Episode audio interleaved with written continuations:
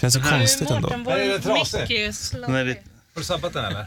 Men vi gör så här, jag ska ta och hämta en liten, uh, får hämta en tejpbit här för det här går inte.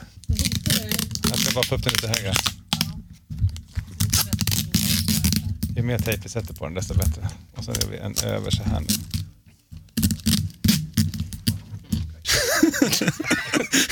Vad är det som händer? Som en myra. Hörni! Det här, exakt. Håll käften! Det här är Fighterpodden. Ladies and gentlemen, we are I'm not surprised, motherfuckers. Touch gloves. Get ready for war. And ladies and gentlemen, the mauler, Alexander Gustafsson. Oh my God! Double leg. He just got double leg. I'm gonna show you how great I am. Välkommen till Fighterpodden nummer 45 2019! We are back! We are back! Finally! Ja, tack för alla mejl att vi inte har dykt upp för nu, men det har varit så himla mycket. Men det. bättre sent eller bättre sent än aldrig som vi säger i den här branschen. Eller hur, göteborgare. Men det är skönt, det ny säsong nu blir det ju. Eller hur? Visst heter det det också i, i Ja, poddsammanhang? det här är ju vår säsong. Och, som Säsong. sagt, Det var säsongs liksom, ja, och vi har paus. inte riktigt förstått hur det här går till, men som sagt, det är ändå 45 poddar. Det är inte dåligt. Det är inte alls dåligt faktiskt. Och den här podden som heter Fighterpodden handlar ju inte bara om fighting utan om kampsport. Så är det. Det där är Simon Kölle, Tja, tja. Elin Blad, Halli hallå. Johan Haldin är här idag. Hej, hej. Välkommen. Fin besök. Fin lite. besök. Mm. Eh, För att eh, vår vän Hans Wiklund, som då inte har varit här på fyra poddar, så han är snart avskriven. Han Mm. är på något föräldramöte. Innan jag glömmer det Johan Haldin, du var ju inte här vid julavslutningen. Varsågod, här kommer din julklapp. Tack så mycket. Han, han överräcks nu en grön, ett grönt paket. Grön pöse. Arigato Grön. gozaimashita. Åh, Åh, vad fick där jag? är från mina hemtrakter vet du. Åh, vad fint. Tack så jättemycket. Det är en gin. Härnö. Härnö-gin. Ja, det är från Härnösand. Nu har vi ingen sponsor så det är inte dumt att vi säger det här. Du skulle kunna fått den gratis. Eller hur? Det- Man kanske blir fälld till och med. Vi Nej. vi är ju inte public service. Så. Går bra. Eh, idag ska vi som vanligt eh, beta av kampsportsnyheter. Yes. Och sen får vi fint besök strax. Det är ju William Seth Wenzel som har vunnit VM och EM i sportjujutsu. Ja, Eller vad han nu säger. Det ska bli spännande att reda ut det här med jujutsu. Eller hur? Jag menar, han är en riktig grym, alltså han är inte gammal än, 21 år, fyller 22. Alltså det är fruktansvärt duktig. Han. Är ju också nominerad på Kampsportsgalan. Vad är han nominerad till? Han är nominerad i tre priser. Årets mästare, eh, Årets kampsportare och till Folkets pris. Just det. Och han är typ alltid nominerad. Alltid. Det är ungefär Ja. Ja, men eh, han brukar inte vara nominerad i mer än en kategori, så i år är det, i år är det stort. Just det. Och han har ju en tävlingskompis där, Fredrik Ja. Widgren, som vann förra året va? Mm, Och de, då- de tränar det är mycket ju ihop. ofta att båda de två blir nominerade i Årets mästare. Mm. För båda de har en tendens att dra hem väldigt stora medaljer. Så ja, vi får väl se hur det går. Har du någon fråga till honom Simon? Ja, men jag är lite intresserad av, när man har vunnit de här grejerna och så, så här tidigt, framtidsplanerna. Hur ser de ut då? Det är spännande tycker jag. Tio år fram typ. Elin? Ja, ja men det väl dels liksom vad han tänker framåt. Och sen tycker jag också att det är väldigt intressant det här med att han, han är ju öppet homosexuell. Vilket är väldigt ovanligt i kampsportsvärlden och i idrottsvärlden som helhet. Så där vill jag gärna liksom höra lite hur han tänkte och när han då skulle komma ut och vad han har upplevt. Som en, en pionjär kan man ju säga inom det området. Om en stund alltså, William Seth Wenzel. Men nu det här.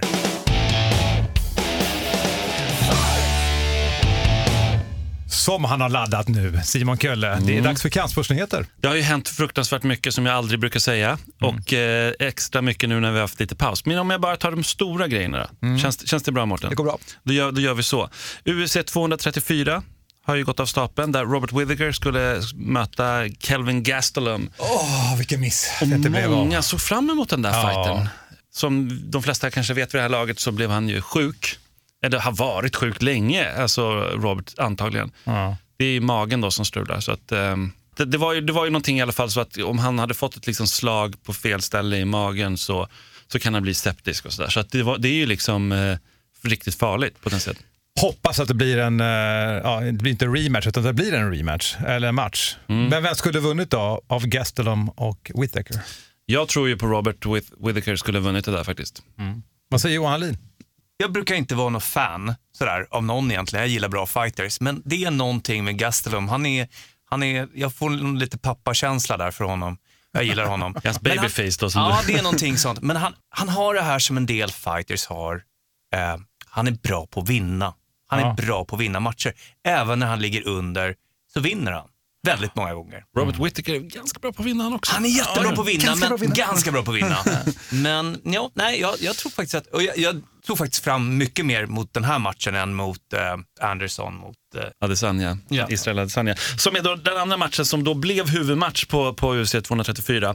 Israel Adesanya som eh, jag tror många kanske hörde för första gången här i podden faktiskt. När, Last Stylebender. Exakt, mm. Maidi Shama som droppade det namnet före. Många kände till honom i MMA-kretsar i alla fall, här i Sverige. Men eh, mötte en 43-årig Anderson Silva. Ja, vad säger du Johan om Anderson? ja, den här skulle ju kanske inte blivit av egentligen. Det känns som en, en promotion fight eller en, någon typ av där de inte riktigt kommer till skott. Där Anderson kanske inte ens längre kan använda sin full, fulla potential. Eh, exempel i, i, jag tror att det är tredje ronden där de står och snurrsparkar mot varandra lite grann.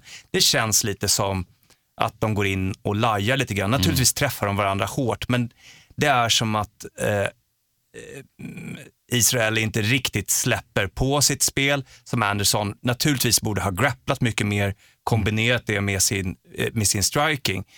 Det kändes inte riktigt som en, en, en, en eh, riktig MMA-match, utan mer som en, en show-match. Vad känner du Simon? Nej, men jag håller nog med där och jag tycker det är lite så här tråkigt när, nu har vi sett Fedor har förlorat här nu flera gånger, senaste så här, förlorade mot Ryan Bader i, i Bellators tungviktsturnering och vi har sett många av de här gamla, så de, det blir lite också så här, de vill ge lite det som de tror att andra vill se istället för att vara då som du säger Johan, han är ju komplett, jag menar, han, han är faktiskt svart bälte i BJ och kan grappla jättebra. Men han ska ändå inte ta fighten dit. Jag vet inte, jag tycker det är lite tragiskt. Alltså, det blir, det blir jag tycker det är lite tufft, lite jobbigt. Samtidigt så kan man ju se att det är väldigt mycket likhet i stil. Israel Adesanya har ju sagt öppet också att det här har liksom varit min förebild. Är det är Det var ju väldigt fint liksom, hur mycket respekt de ändå visade för varandra. Och man såg ju att det här betydde mycket för Israel också, att gå den här matchen mot sin, sin gamla idol. Det är, bara den grejen var ju rätt häftig. Men, Lite jobbig va, eller hur? Ja, men det betyder mycket också för Anderson. Och det kanske inte så mycket har egentligen med Israel att göra, utan mer här att han får komma tillbaka efter två år. Men han var ändå, han var ändå alltså, borta från sporten för att han hade dopat sig. Det ska vi liksom inte glömma. Och nu var han lite plufsig och lite sådär, kanske inte tränat supermycket. Han får någonstans en till chans för gammal vana, 43 bast. Och, och nu är det ju snack om att han ska få gå en till då i Curitiba i Brasilien. Och, ja, vi får se hur det blir där. Ja. får han säkert göra. Nick Diaz har ju varit snack om att han i så fall ska möta. Och Oj. Nick Diaz vill med festa, har han, har han svarat. Det kan men, eh, parta ihop då. ja, nej, men det, är, det är lite så här. Vi får se. Eh, Conor McGregor var ju också ute och han tar gärna en match mot Anderson och, och det tycker Dana White inte så jättemycket om. Men på den galan i alla fall, då var Jimmy Crute tyckte jag var riktigt spännande. Lätt tungviktare som eh, återigen vann i UFC. Imponerande verkligen. Och eh, Devante Smith där också i lättvikten som, eh, alltså båda de ser riktigt bra ut. Eh, knockar sina motståndare hejvilt och så här. Det är, det är ändå kul. Och så Israel då givetvis, som gjort sig ett namn. Det är roligt att det kommer nya bra fighters upp. Och vi behöver verkligen det. Verkligen. Så, så känns det. Andra stora UFC-matcher som varit under den här tiden, då har vi haft Henry Cejudo som slog eh, TJ Dillashaw på TKO i rond 1 mot en TJ Dillashaw som man verkligen såg på honom, han har ju sagt det efteråt också, att det var väldigt tufft för honom att gå ner till flugvikten. En flugviktsdivision som vi inte ens vet om den kommer få vara kvar. Eh, vad tycker du om flugvikt Johan? Nej, men jag tycker att det är jättebra att, att eh, vi har utspridda viktklasser. Jag, jag tror att det är absolut nödvändigt. Men jag tror att en stor del av problemet är att det är för många som skär eh, för hårt i vikten, att de bantar för hårt. Man ska tävla närmare den vikten som man promenerar runt i. Det här är ju bara en tidsfråga innan vi kommer få fler dödsfall i, i MMA. Eh, vi hade ett för är tre år sedan i Kina.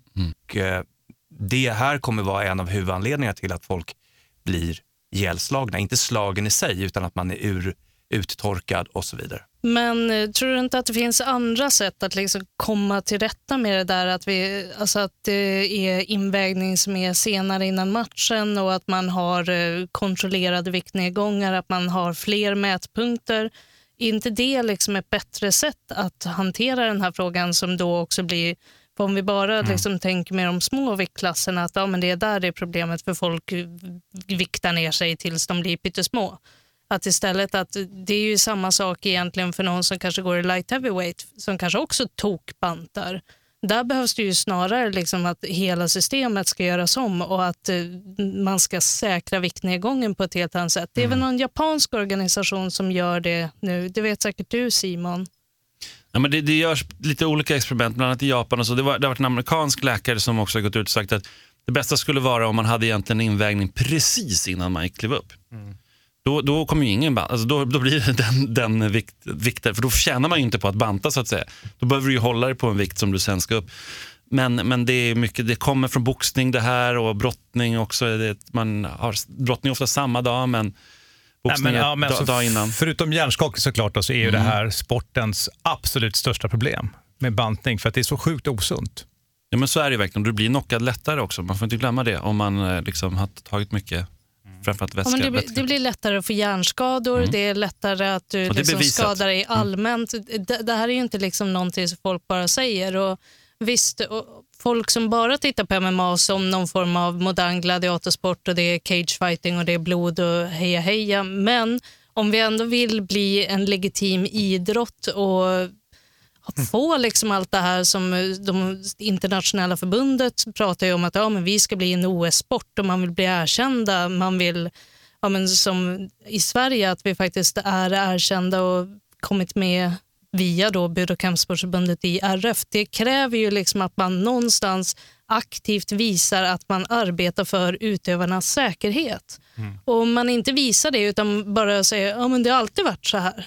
Ja, men det, då, då kommer vi ju liksom förlora vår legitimitet. För om, vi, om det finns en jättestor aspekt i vår idrott som är farlig, som vi kan reglera bort, då tycker jag att det är vårt ansvar att liksom gå åt det hållet. Mm. Problemet är att det finns lite olika åsikter här och lite olika läkare som säger olika saker om vad som faktiskt är bra. Att UFC har ju också förändrat eh, ganska nyligen, vad är det, två år sedan eller något sånt där. Så att det blev att eh, man ska väga in liksom en vecka innan och, och se vart ligger man på då och då får man ta en viss procent ifrån det. och Så, här. så de, har, de försöker ju men vi, vi ska inte glömma att det är ganska segt. Men det är betydligt lättare att ändra i MMA än till exempel boxning som verkligen har anor eh, rent sportifierat sedan långt tillbaka. Så här. Men det händer mycket eh, som alltid och vi, måste, ju- vi kan inte lämna den här podden utan att prata om Alexander Gustafsson mot John Jones tycker jag. Även om det nu känns ju som Dackefejden nästan. Men det var ju förstås den stora, stora matchen förra året för svensk kampsport skulle jag våga påstå. Ja, Johan. Jag vill minnas att du trodde att det skulle gå ungefär så här va? Nja, jag vet inte riktigt om jag hade bettat eh, på det eller, eller kommit med någon prediction, men jag trodde nog att, att eh, ehm, Alexander skulle få det svårt. Det trodde jag nog. Ehm, och eh, som jag tror att jag har sa i, i senaste gången jag var med, eller när vi snackade om det eh, i, i Fighterpodden, var ju att, att jag ser Alexander som en enormt tuff person med en fantastisk styrka som jag, jag tror inte att det ens går att öva upp, alltså den typen av mentala styrka och så som han har. Medan John Jones starkaste kort, och, och här trumfar han ju jättemånga, ska jag säga, det är ju att han är en, en multitalang inom kampsport. Han bemästrar thaiboxning, han bemästrar brottning, han är ett fenomenalt, eh, eh, man kan se på hans grappling är fantastiskt fin. Och dessutom är han en taktiker och har ett, ett otroligt stor apparat bakom sig med taktiker och strateger. Och det där är viktigt, det där du säger med taktiker och strateger. För det var också någonting John Jones sa, vi är väldigt svåra att möta en andra gång. Och det, det ligger verkligen någonting i det. Kan, och det, är så här, det är alltid så lätt i efterhand att sitta och säga att Åh, tänk om Alex hade gjort si eller så.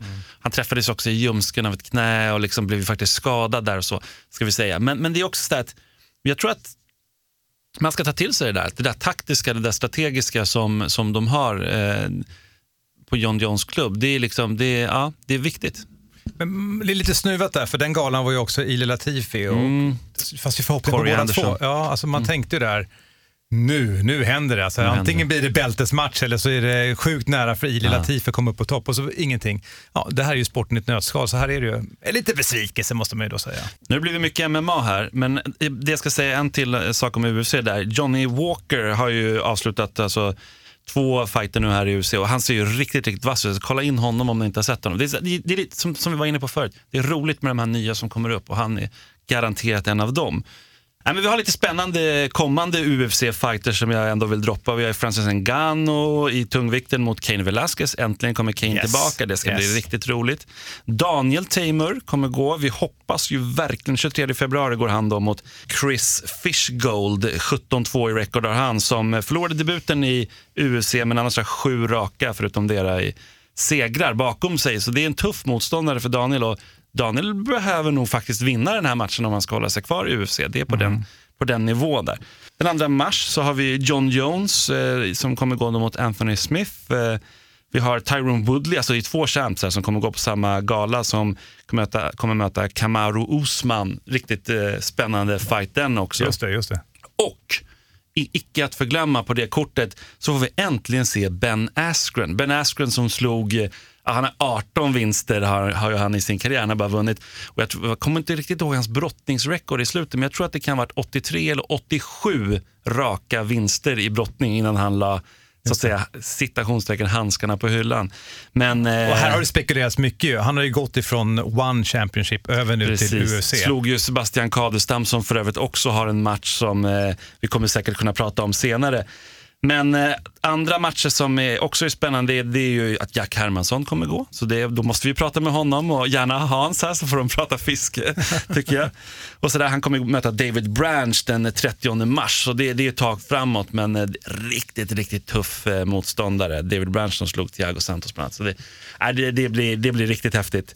Och Bellator då, jag nämnde ju där att eh, Ryan Bader slog Fedor och det har ju hänt och sen så får vi ju se lite vad som kommer hända där. Vi har ju en riktigt, riktigt spännande fight att se fram emot i Bellator. Det är Michael Venom Page som är, apropå Israel Adesanya, de, alltså det är verkligen så här Det är fantastisk det, stil. The second... eller Ah, det- nej, men han är ju egentligen Stylebender. före Israel. Liksom. Och som kommer möta Paul Daly. Och där är ju två, det är båda är ju britter och de borde ju såklart ha mötts i liksom England. Det är en jättematch för engelsmän den här, den här fighten.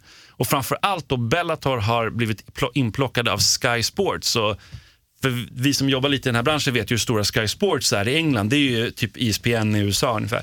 Så att eh, Bellator kommer växa som inåt i, i England nu, eller Storbritannien verkligen. Och det där, med den matchen så är det lite så här, det, det är början på en ny era tror många. Bara en grej där, alltså, ryktena det här med att Bellator ska komma till Sverige. När kommer de? Det vet vi inte exakt. va? Det, de har inte kommit ut med det. Och det går ju bara att titta på protokollen från eh, vet, eh, kampsportsförbundet, eller inte kampsportsförbundet, MMA-förbundet såklart.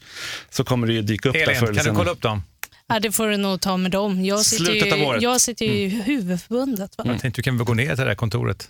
Men vi kan väl gissa att det är någonting på gång eftersom de har signat Oliver Enkamp, sagt att de ska komma till Sverige och han har blivit en av deras spokespersons. Så är det ju. Och Malin Hermansson.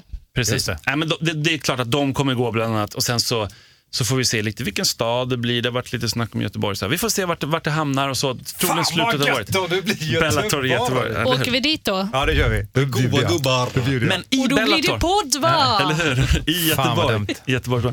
Men också en annan match som jag bara måste nämna som är riktigt häftig i Bellator. Det är det här att min favorit, alltså Vitali Minakov, han är ju enligt mig då världens bästa MMA-fighter, tungviktare, som inte har förlorat en fight i sin karriär, 21-0 i rekord, som möter Cheikh Kongo. De, det här är en rematch från 2014 då Vitali slog honom. Förstås, för han vinner ju alltid. Och eh, nu får vi se då när han eh, dyker, kommer tillbaka till Bellator vad han kan göra. Jag skulle så gärna önska att han vinner där och får möta Ryan Bader, men sen borde han till UFC bara. Vitali Minakov är grym. Det är ju vår tids Fedor. Det är bara att folk måste få upp ögonen för att han är så grym. Tittar vi lite på Sverige då, så har vi SM i thaiboxning som hägrar. Det blir ju riktigt roligt. Det kommer ju vara i Göteborg, din favoritstad, Mårten.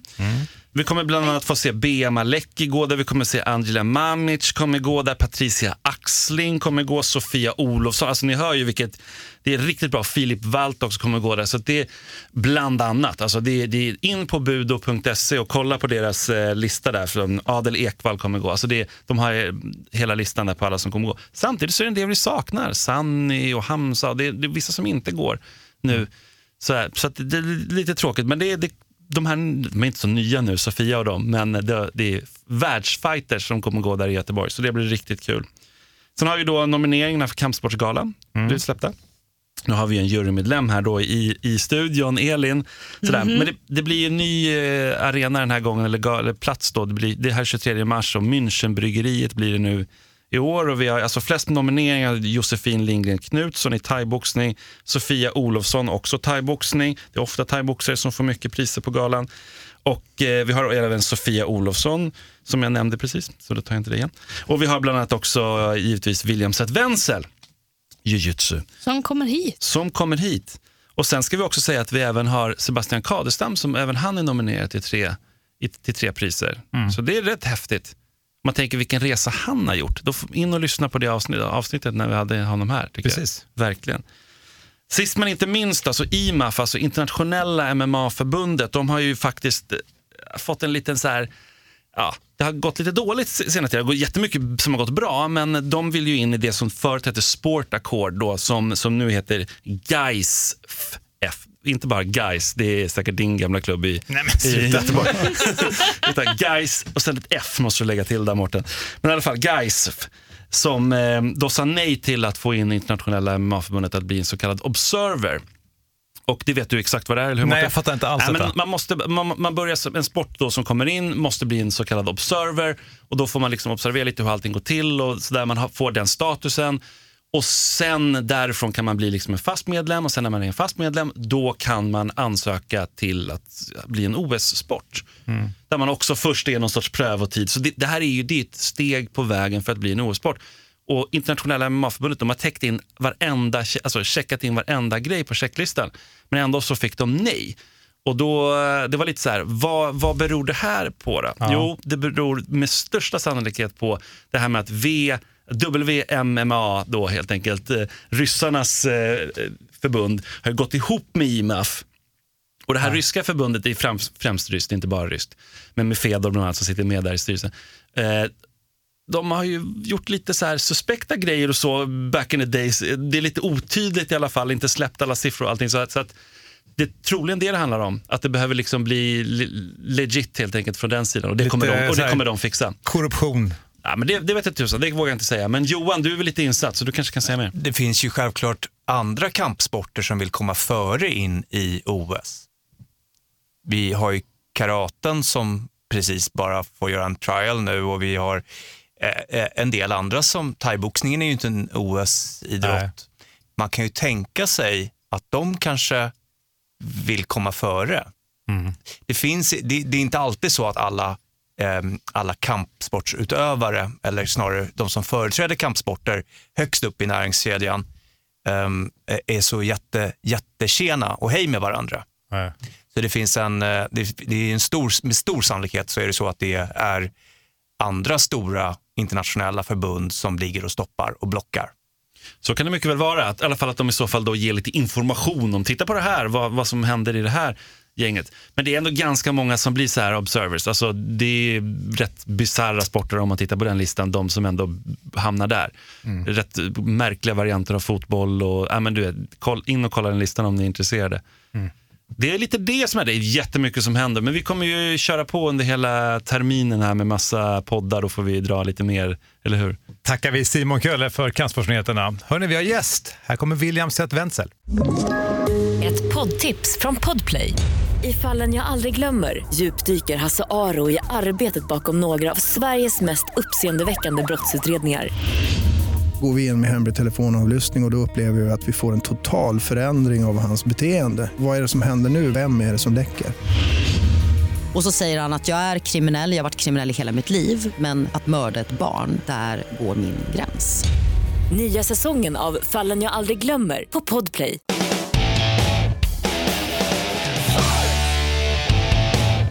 Då välkomnar vi årets första gäst i Fighterpodden. En applåd för William Zett Wenzel.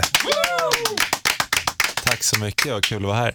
Välkommen. Eh, vi noterar ju att du har tagit guld i EM och i VM. Du Ja. är nominerad till Årets kampsportare, Årets mästare och Folkets pris på Kampsportsgalan. Ja, stämmer bra. Oj, oj, oj.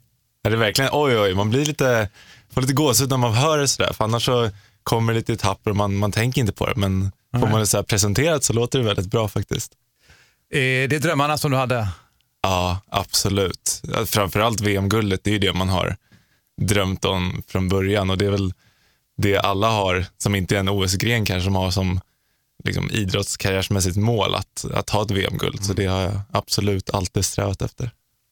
Hur var din reaktion när du fick reda på att du var nominerad i alla de här tre kategorierna till Kampsportsgalan? Satt du och tittade på livesändningen och väntade liksom på de kategorierna som du är optimal för? Vänta, låt mig komma in där bara. För det är, lite...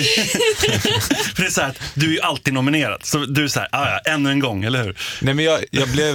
Man ska aldrig ta det för givet. Nej, nej, det är sant. Det ska vara ödmjuk. Nej, men jag, jag blev väldigt eh, förvånad eller glad över att eh, tre nomineringar. För det är, jag har ju bara varit nominerad i en åt gången tidigare. Så att det känner jag var ett litet, ett litet steg upp på karriären där. Och det, nej, men det var jättekul, men annars så, jag misstänkte ju ändå att EM-guld, VM-guld, att man borde ändå bli nominerad i någonting. borde. Så att, men att det var tre stycken var jättekul. Verkligen. Hur gammal är du? Är du 21 år? Ja, Ja. fyller 22 nästa 22 vecka. Ja, Det är klart att det är rätt många kategorier i den åldern. Vad- Ja, men i den, att vara så pass ung och få så pass många nomineringar. Ja, ja, absolut. Men var inte Det du är typ 12 när du fick dina första? Nej, men typ Nej, men det var- 18, 18 var det ju i alla fall, tror Ja, jag. ja, men 18 var det. Eh, Kan vi kolla lite grann med din bakgrund? Alltså, hur hamnade du ens i kampsport? Eh, det var när jag var sex år. Så började jag och min bästa kompis, vi bodde vägg i vägg eh, i ett hus och hans storebrorsa körde jujutsu. Så då var vi en helg och kollade på ett KM där de slogs och vi tänkte att det här är så coolt att man får slå på varandra och det var, eh, vi var så fast på det och sen började vi och sen så körde han och jag med varandra i väldigt många år och sen slutade han och så fortsatte jag. Och så på den vägen ner. Och det är klassiskt det där att man börjar ofta med en kompis. Ja. Då brukar vi alltid fråga, den här kompisen, vad gör han idag? Han, eh, ja, men just nu är han en säsongare i Sälen. Ja. Så jag ska hälsa på honom nästa vecka. Så han bytte helt. Ja, ja han är murare och eh, säsongare just nu. Ska vi ta det här nu med jujutsu? Det kan ju vara lite förvirrande. Johan Aldin är också här, alltså vi som är lite äldre i gänget. När jag växte upp, det var ju liksom jujutsu eller det var ju allt från ett självförsvarssystem till jag tänker Durevall-systemet fanns det där jag växte upp i Göteborg bland annat. Då. Och så var det någon typ av sport, eh, karate sa någon sådär. Nej men det här är jujutsu. Idag säger man ju ja, inom MMA, jujutsu. Då är det ofta BJJ man syftar på. Ja. Hur ser du på jujutsu? Är det sportjujutsu du tränar?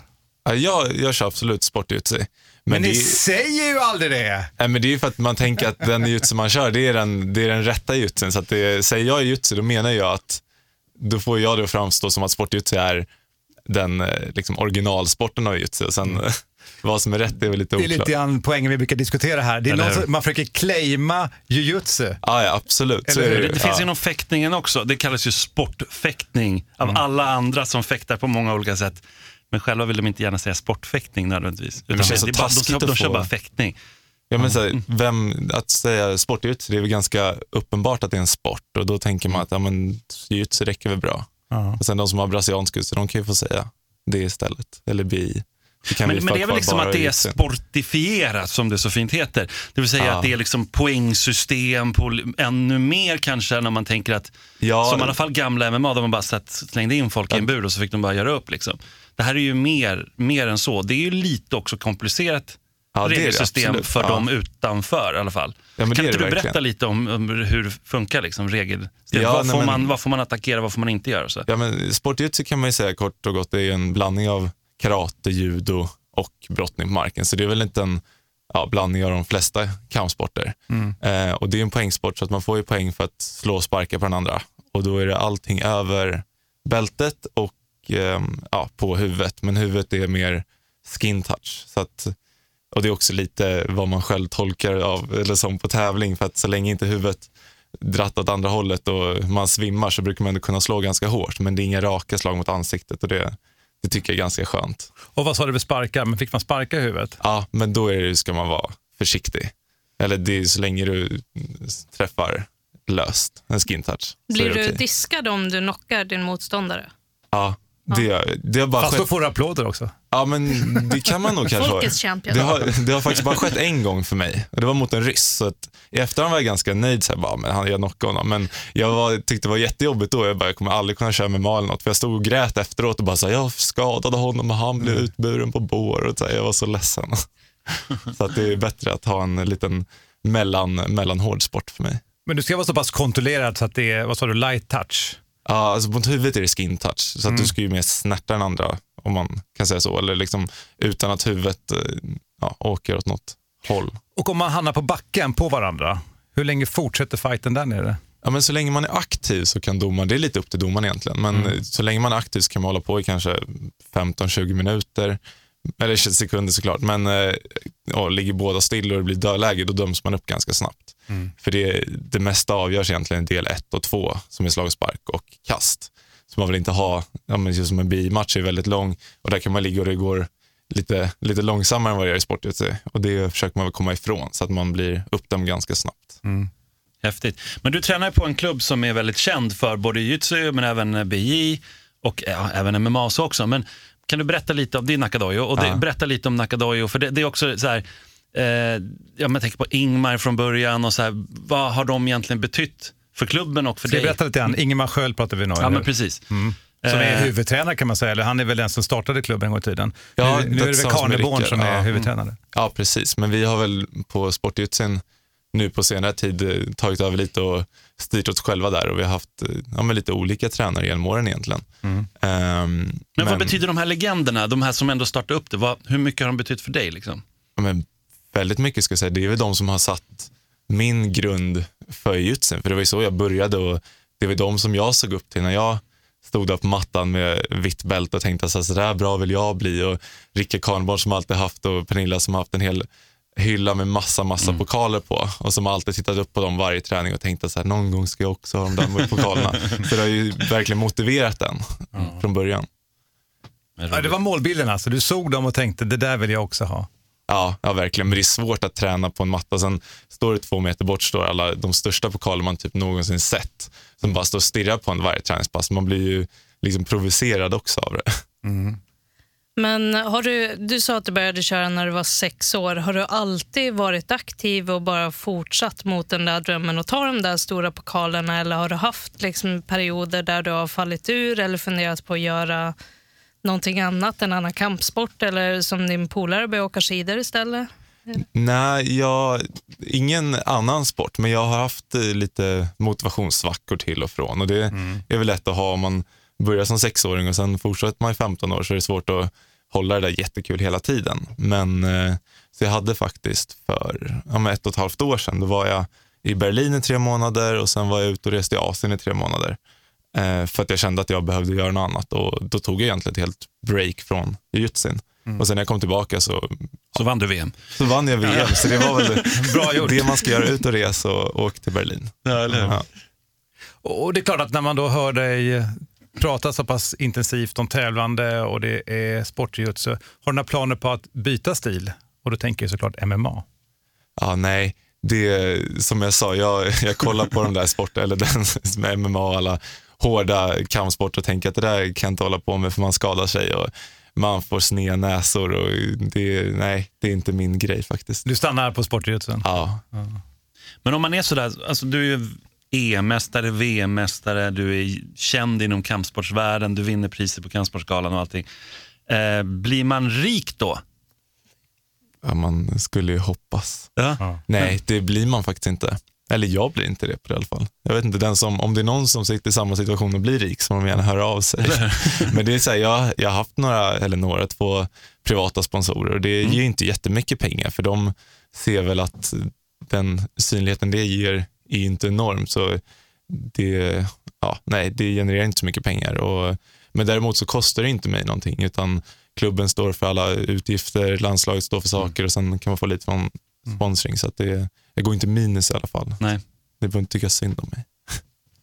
Men nu när du ändå tävlar som senior och du har ändå uppnått bland det största du kan genom att ta VM-guld och EM-guld redan som 21-åring.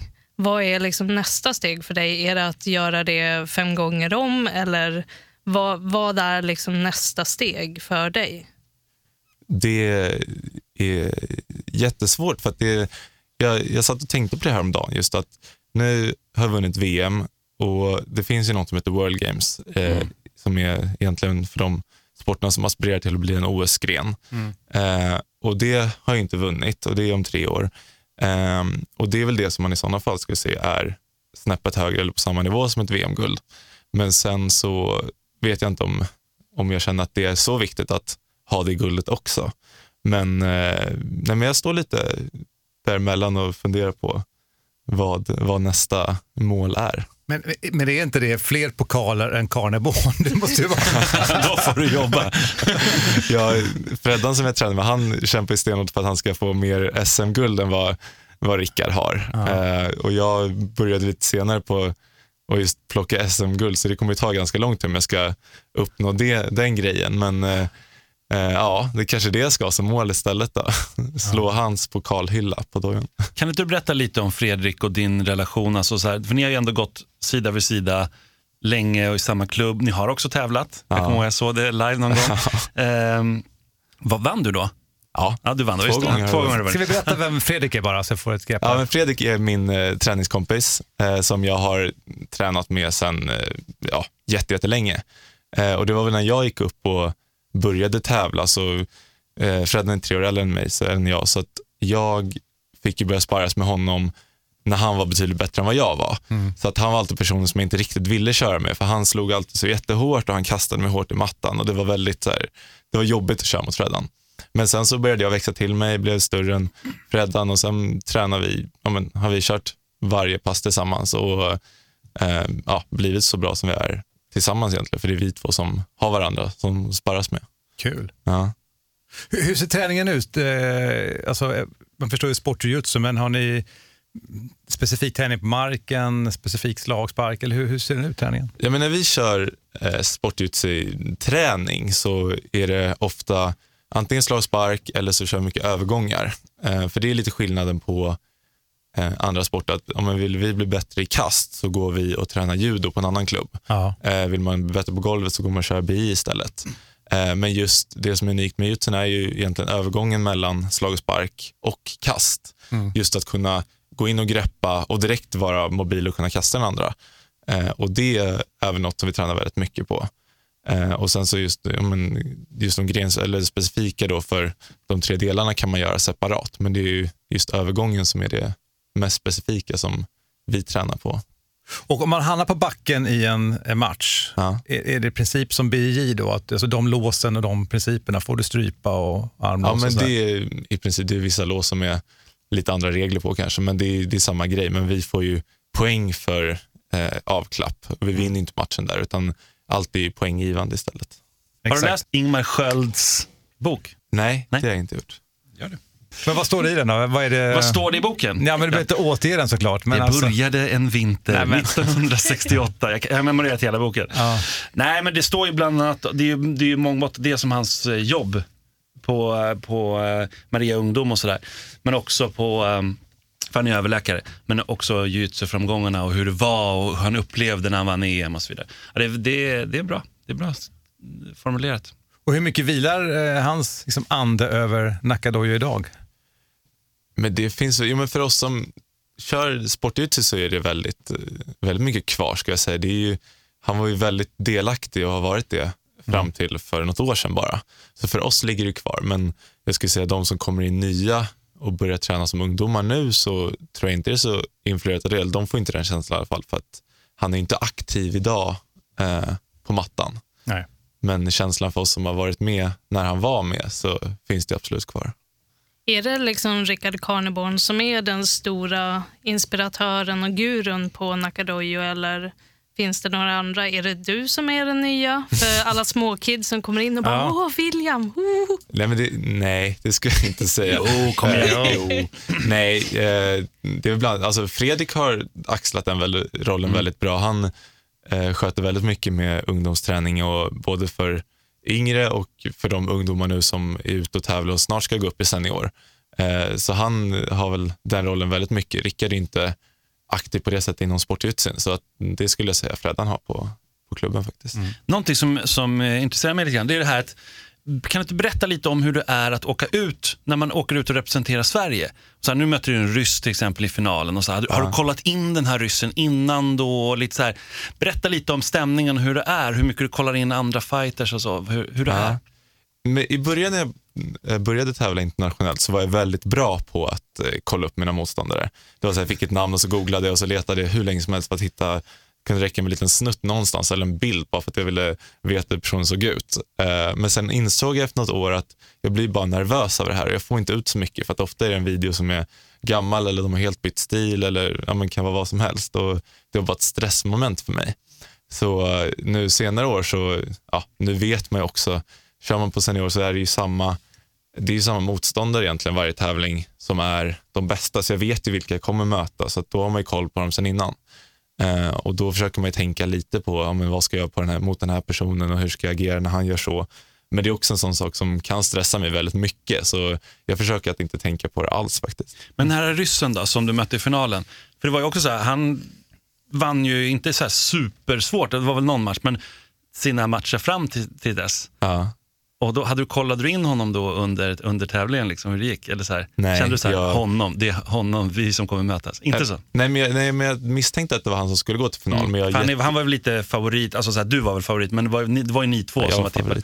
Ja. Nej men det var väl han och jag, absolut. Eh, och det var jag medveten om. Men Var då, ni sidade på varsin sida? Nej, de Nej. har slutat med Aha. det. Så att jag fick köra, jag brukar vara sidad för att förut var det att Mm. efter ranking sidar man, men det har de slutat med nu. Så då fick jag köra full stege. Ehm, men jag, nej, jag mår bäst och presterar bäst när jag inte behöver, eller behöver, alltså när jag kollar på mina motståndare. För att då Mm. blir det bara hjärnspöken och så står jag på mattan bara, just vad gjorde han i förra matchen, hur ska jag göra nu? Och så blir det liksom en lång matteuträkning istället, av, istället för att bara köra. Så att, Ja. nej, jag har svårt att titta på motståndare. Hur många matcher var det på VM som du gick? Jag skulle säga fem. Mm. Men ärligt talat så vet jag inte om det är fyra eller fem. Nej, okej. För att jag har inte ens kollat på matcherna efter VM, för jag har inte klarat av det. För att jag har en bild av hur det var och vad jag gjorde. Och jag har inte än klarat att ändra på den bilden. Så det jag har i mitt huvud av hur det var, lever jag lite fortfarande med och tänker att så här, men det, den bilden får jag ha tills jag känner mig mogen nog och kolla på de där matcherna. Så jag tror det är fem. En annan grej jag tänkte på. Du är ju öppet homosexuell kampsportare. Ja. Vilka reaktioner har du mött? Nej, men jag har nog inte mött jättemycket eh, reaktioner för att det har gått så pass, eh, vad ska man säga, alltså smooth är att jag inte, i alla fall i kampsportsvärlden så har inte jag på klubben ändå ställt mig och sagt hej jag är gay eh, och fått reaktioner på det. Utan där har väl de flesta antar jag sett det på sociala medier eller förstått att jag har haft med min pojkvän på någon träning och förstått det därifrån. Och i Sverige så är man väl ändå så pass bra på det att det är, man får ingen dålig reaktion. Så att folk har varit väldigt, inte pratat om det. Men sen när man är ute på och tävlar eh, och har ja, andra internationella fighters, då är det ju folk som har kunnat komma fram och bara, "Nej, jag måste bara fråga, så här, är du gay? Här, och blivit förundrad över det och verkligen tänkt så här, det kan ju inte stämma. För att Det är ju kampsportare. Ja, och sådär bra, liksom, vinner VM och sen ska du vara gay. Liksom. Man kan ju tänka att det kanske stack lite extra mycket i ögonen på ryssen då som kom tvåa med tanke på hur det ser ut hos dem. Ja, det kan jag verkligen tänka mig. Men eh, för om vi ska vara krassa, så kampsportsvärlden är ändå, det finns liksom en gammal machokultur som ligger kvar och på, i många klubbar så finns det fortfarande en jäkligt dålig jargong där man kanske skulle använda liksom en sån sak som att någon är homosexuell som, som är slagord. Liksom. Ja. Tvekade du någonsin med att liksom gå ut öppet? Nej, jag tror faktiskt, jag, just att jag tränar på Nakadojo som är verkligen känner kompis-känsla, så har jag aldrig varit liksom, rädd eller tveksam där kring att våga visa det öppet. Men det är klart det har varit jobbigt och det, första året så sa jag nog ingenting i kampsportsammanhang. Eh, då visste alla mina kompisar och familj, men jag sa det inte öppet på klubben. Eh, och det var ingen som visste om det heller. Och då var det jobbigt att sitta i omklädningsrummet när folk pratar om, om den här personen eller tjejen har jag legat med eller verkligen så här, det var så förutbestämt att man underförstått att alla skulle ju såklart tända på tjejer och tycka det var det sexiga som fanns. Men, men hur gammal är du nu? Är du 15, 16, 17 år någonstans? Eller? Nej, jag, jag insåg att det kom ut för typ två år sedan. Ja. Så det är ganska nytt, men, ja, men typ för ett år sedan då, så satt jag och då kunde man ju fråga just de här ja, frågorna, bara, men vilken tjej träffar du nu? Och då blir det så här, vad ska, man, vad ska man svara på det? För att det är så underförstått att det ska vara en tjej och att Ja, men det är klart att som sagt att jag kan tänka mig bilden av macho, liksom, att den, den finns. Och det är ganska ovanligt i kampsport. Och det gör ju också nu med nomineringar att du uppmärksammar och sociala medier att eh, säkerligen många som kanske inte tar steget in i kampsport för att de tror att det finns en jargong ser en öppning tack vare dig. Ja, men det hoppas jag. Och även har jag tänkt på det att de som, eh, eller om det är några som är eh, homosexuella som kör kampsport och som inte vågar komma ut just för att man känner att det inte passar in. Att någonstans man kan se mig och tänka att ja, men han, han klarar ju att vara öppet gay. Mm. Varför skulle inte jag våga det? För att om man tänker rent statistiskt sett så, eh, jag vet inte hur många, jag hörde någon gång så här, var tionde person är egentligen gay på att inte folk säger det. Jag, vet inte, jag tror inte på den siffran egentligen, men med tanke på att hur länge jag har kört ut sig och jag aldrig stött på en person som är öppet gay, eh, så tänker jag att någonstans måste det vara fel. Det måste finnas folk som inte vågar komma ut just för att det är den kulturen det är. Och bara i och med att man då kanske ja, men kan se mig och förstå att det, det funkar att vara gay och köra kampsport så hoppas att det är någon som vågar komma ut i media. Men jag tror att det du säger också om att eh, Nakadojo verkligen har sin eh, tjena kompis-grej, att de värnar mycket om kulturen. Det, jag tror att det är jätteviktigt för att fler ska vå- känna liksom att de vågar vara sig själva och vågar vara öppna med det. Och det har ju min och Johans klubb Bärsärken MMA, vi har ju sedan långt tillbaka också varit oerhört tydliga med att här är liksom alla välkomna oavsett sexuell läggning och det är nolltolerans mot språk som är liksom nedsättande mot det. Så där, vi har ju haft många hos oss som har tränat som också har varit öppet homosexuella och folk har sökt sig till vår klubb just därför. Så ju, med tanke på att Nacka är en så pass stor klubb som det är så blir det säkert många som känner bara, ja, men hit kan jag gå. Ja, vi får se. Det, är kanske blir en gay-magnet när jag bara står och drar till med nya medlemmar. Jag får gå till Rickard och säga att jag vill ha provision på alla, alla nya gay-medlemmar som vi får. Jag kör QX-skalan inne i cagen på Nakadojo. Exakt. Perfekt. Ja. Eller hur? Men det är klart att jag tänker utifrån andra sporter också. Så det, vi har pratat om det tidigare, alltså, inom hockey eller alltså alla sporter som har någon form liksom av lite machostämpel. Det är nog tufft. Ja. Eh, och det krävs ju att, jag, jag, jag ska inte göra det större än vad det är, men jag tror att det krävs ju att någon går först. Ja, men så är det ju, absolut. Eh, och det gör det lättare också. Ja. Eh, Och som du var inne på också Elin, eh, jag tänker just att ha förebilder, inte bara inom det här utan också att en ny generation hittar till sportjutsun, inte på grund av det här tänker jag med liksom sexualitet, utan mer att det finns nya profiler. Eh, och du har ju varit lite uppmärksammad nu, men VM-guldet var ju relativt uppmärksammat. Googlar man lite grann så dyker det upp liksom i sociala medier och tidningar och tv, Ja. uppmärksammar det där. Det är ju kul, det är bra för kampsport. Ja, men det är jätteroligt och just eftersom de jobbar väldigt, mycket, eller väldigt hårt i federationen att försöka bli, de siktar emot att bli en OS-sport någon gång och då behövs det ju den uppmärksamheten och den mediala uppmärksamheten framför allt för att visa att det är en, en omtalad sport som många känner till. För man kan ju inte bli en OS-gren om inte någon om ingen känner till sporten. Eh, och det är väldigt roligt även i Sverige att, att det blir större, att folk, folk söker sig till det. Men, men, men upplever du att sportjutsu växer? Mm, jag vet faktiskt inte. Det, jag tycker det är svårt för att... eh, Jag vet. Ja. ja, berätta, Jag kan svara. Berätta, berätta utvecklingen. Nej, men det har hållit sig på, en ganska, på samma nivå ganska länge. Att, att- nu pratar jag antal medlemmar. Så där. Det diffar på eh, liksom, några hundra hit och dit Ja. senaste åren. Så det har hållit sig på en ganska, och det är en av de större idrotterna i eh, Bud och kampsportsförbundet. Det är ju Ja. det och thaiboxning och sådär. Ja, nej, men just, ja, men för i Sverige, kollar man på svenska tävlingar så är inte det någon stor skillnad från när jag var liten och började tävla eh, från vad det är nu. Men eh, ja, sen var ju VM som jag nu, en av de största VM någonsin med flest deltagare och så här, men det har väl också med hur man marknadsför och liksom får folk att anmäla sig. Men sporten i sig är väl som du säger att den, den är väl lite avstannad i sin Ja, utveckling. men avstannad, eller så, för många är ju annars, det går bra ett tag och sen så faller det bort. Alltså det är lite så här, Man får med sig till en stabil det är sport en som folk stabil, stannar vid när väl stabil sport skulle jag säga. Men jag är lite så intresserad av, okej du är 21 bast nu, fyller du 22 i år? Ja. Ja. Eh, säg att du är 32 då. Vi hoppar fram 10 år. Vart är du då? Håller du på med det här då eller har, har du egen klubb? Vad, vad händer? Vart är William Seth Wenzel som jag brukar vakna och säga? Vart är du om 10 år? Nej, men om... Ja, så, så svåra frågor vi ställer. Kom igen nu. Nej, men jag, jag tror inte att jag, eh, jag förundras de som eh, lägger ner den tiden på, på jutsen så ideellt och eh, allt vad det innebär. Och jag tror inte att jag är den person som brinner för sporten på det sättet. Jag tycker det är jättekul. Du vill vinna?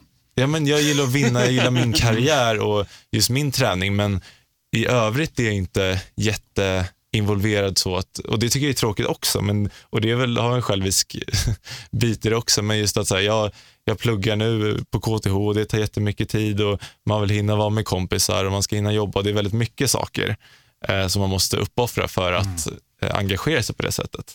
Men jag är absolut aktiv på något sätt tror jag. Det, man vill inte släppa det. Det är ändå 15 år jag har lagt på träning så man vill inte bara sumpa den. Men det, du har ju fortfarande en väldigt viktig del i det här ekosystemet för att få jujutsun att finnas kvar. För det, det funkar ju inte om det bara är gamla gubbar och tanter som sitter i en styrelse och gör saker. Det måste ju finnas utövare också. Känner ingen press nu utan... en uppmaning där. Nej men så är det ju verkligen. Eh, och det är väl det som driver en till att eh, då kanske vara kvar och, och göra saker för att föra det vidare. Och jag ser ju nu på vår klubb, de ungdomarna som nu håller på, var min syrra också är aktiv och ska precis nu, eller har precis börjat tävla senior.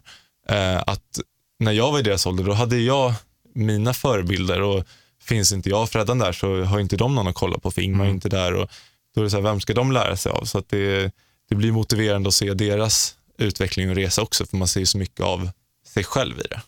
Ja, Men jag, det är nog kanske mest jag som har haft en, någon teori också att den här sportjutsun blir som någon form av light MMA som sen glider man över till någon form av shootfighting eller amatör-MMA. Och för att man vill till MMA men det kanske inte alls är så. Nej men jag tror det är nog i sådana fall om du börjar med det senare. För som jag som började när jag var sex år så har inte jag haft MMA i sikte. Och ju mer jag kört det så har det ju blivit mer att jujutsu är min sport och då är det ju svårt att se att jag ska köra något annat. Eh, men, eh, men det är väl upp till person till person tänker jag. Jag tänker på en kille i landslaget där heter Max Hederström. Han kommer ju från MMA och har gått till sportjutsu. Ja, eller han kör ju Nevasa och det är egentligen samma sport eller samma regler som BI. Så Ja, det är det han ju kör. den delen. Ja. Det är det han kör, För det är, det. nog, det är nog en svår, eller svår och jobbig resa att gå från MMA till sportjutsu just för att det är så skilda... Ja, jag tänkte det. Men Om man inte får slå folk hårt. Det är Nej, men jättekonstigt. du kommer ju bara bli diskad hela tiden. Tänker jag. Och blir många det? Alltså, det kan jag tänka mig att det finns en del utövare som faktiskt inte kan kontrollera. Nej, men så är det absolut. Men det är ju inte att eh, folk blir knockade till höger och vänster och att folk bärs ut på bår och man diskar folk. Utan det är mer att ja, men slår jag ett slag och jag missar den andra personen eh, så att mitt, min då, rörelse fortsätter förbi dens huvud. Mm. Då visar det på att det var okontrollerat. Så att det är mer sådana varningar och diskvalifikationer man kan få. Så det är inte så hårt det låter, men man kan absolut bli diskad. Och det finns passivitetsvarningar. Det är så mycket som man kan göra fel på en match. Så att det är inte jättesvårt att bli diskad. Inte om du frågar mig i alla fall, tyvärr. Ja, men det, det finns ju väldigt många fula fighters. Nu pratar jag inte om eh, utseende, utan nu pratar jag att vara liksom ful. Hoppas inte jag är en av dem.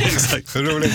Ja, nej, men sådär, eh, vad är det fulaste du har mött? Alltså så här, återigen då, inte utseende, utan vad är det ful, alltså, så, och vad gjorde den i så fall mot dig?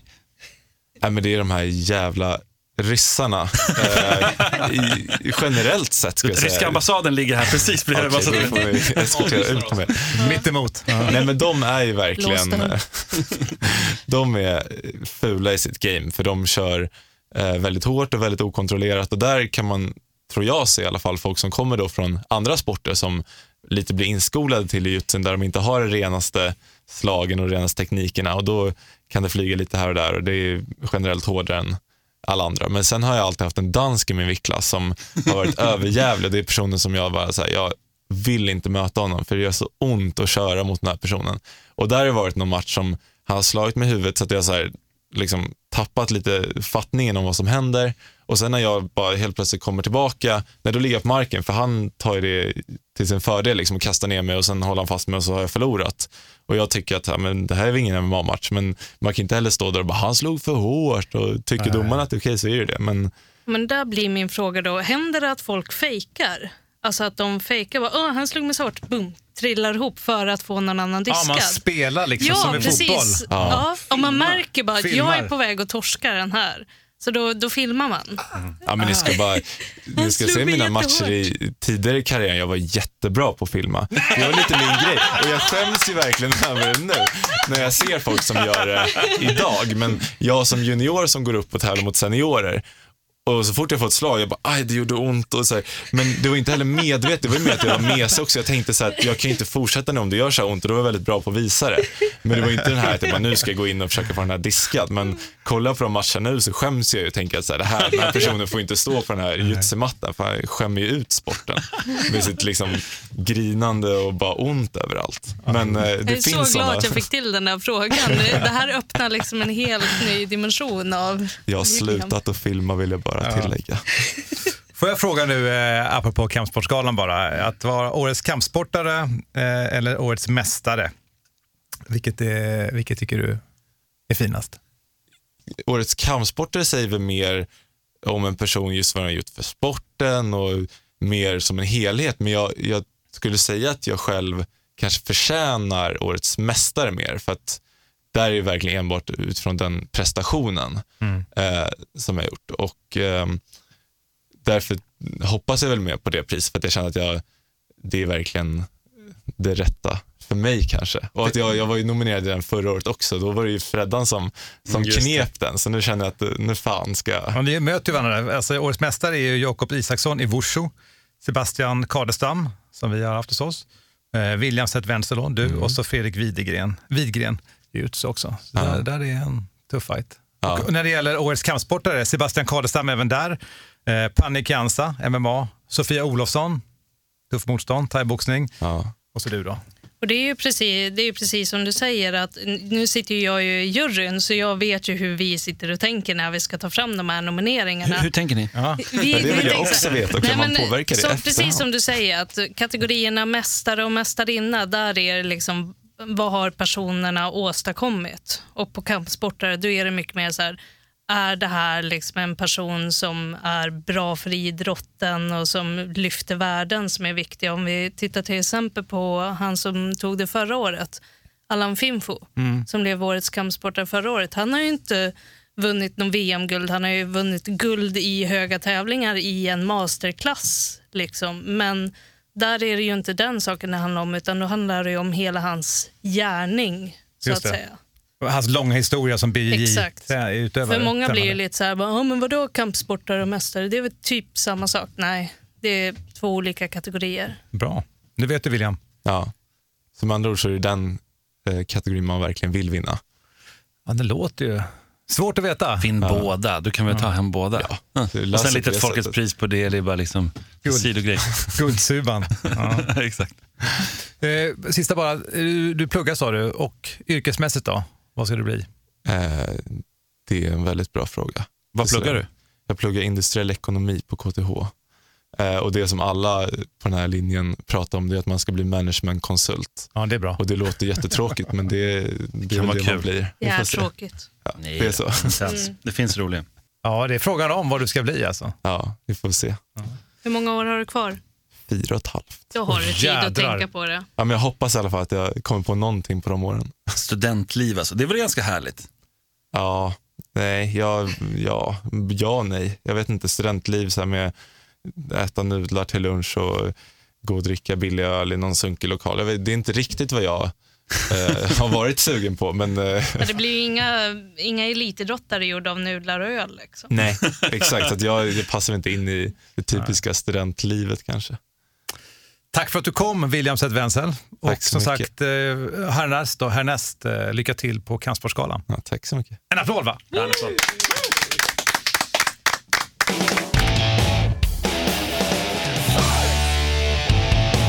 Hörni, lång podd idag, men det är dags att knyta ihop den. William Seth Wenzel, nu var han här och vi håller tummarna för honom som sagt på Verkligen. kampsportsgalan. Spännande. Imponerande. Alltså, så- han är så ung, han är väl, alltså, talar väl och liksom för sig och sin sport och ah, sin läggning. Allting. Jag tycker det är imponerande kille verkligen. Och får jag säga, ännu en av väldigt många trevliga kampsportare som vi har här i vår podd. Eller hur? Verkligen. Finns, har, det, har vi haft någon som inte varit trevlig? Hette han Simon Kölle Ja, det måste vara han det. var inte så Men är Jo- han Johan verkligen Halldin är kampsportare? också. Johan Halldin, vad var det där för på?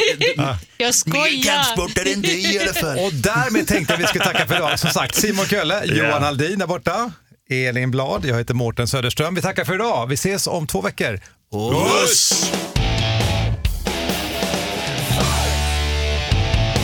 Fighterpodden produceras av Suba Media för Radio Play. Ett poddtips från Podplay. I podden Något Kaiko garanterar östgötarna Brutti och jag, Davva, dig en stor dos skratt. Där följer jag pladask för köttätandet igen. Man är lite som en jävla vampyr. Man har fått lite blodsmak och då måste man ha mer. Udda spaningar, fängslande anekdoter och en och annan arg rant. Jag måste ha mitt kaffe på morgonen för annars är jag ingen trevlig människa. Då är du ingen trevlig människa, punkt. Något Kaiko, hör du på Podplay. Därför arkadeinerna.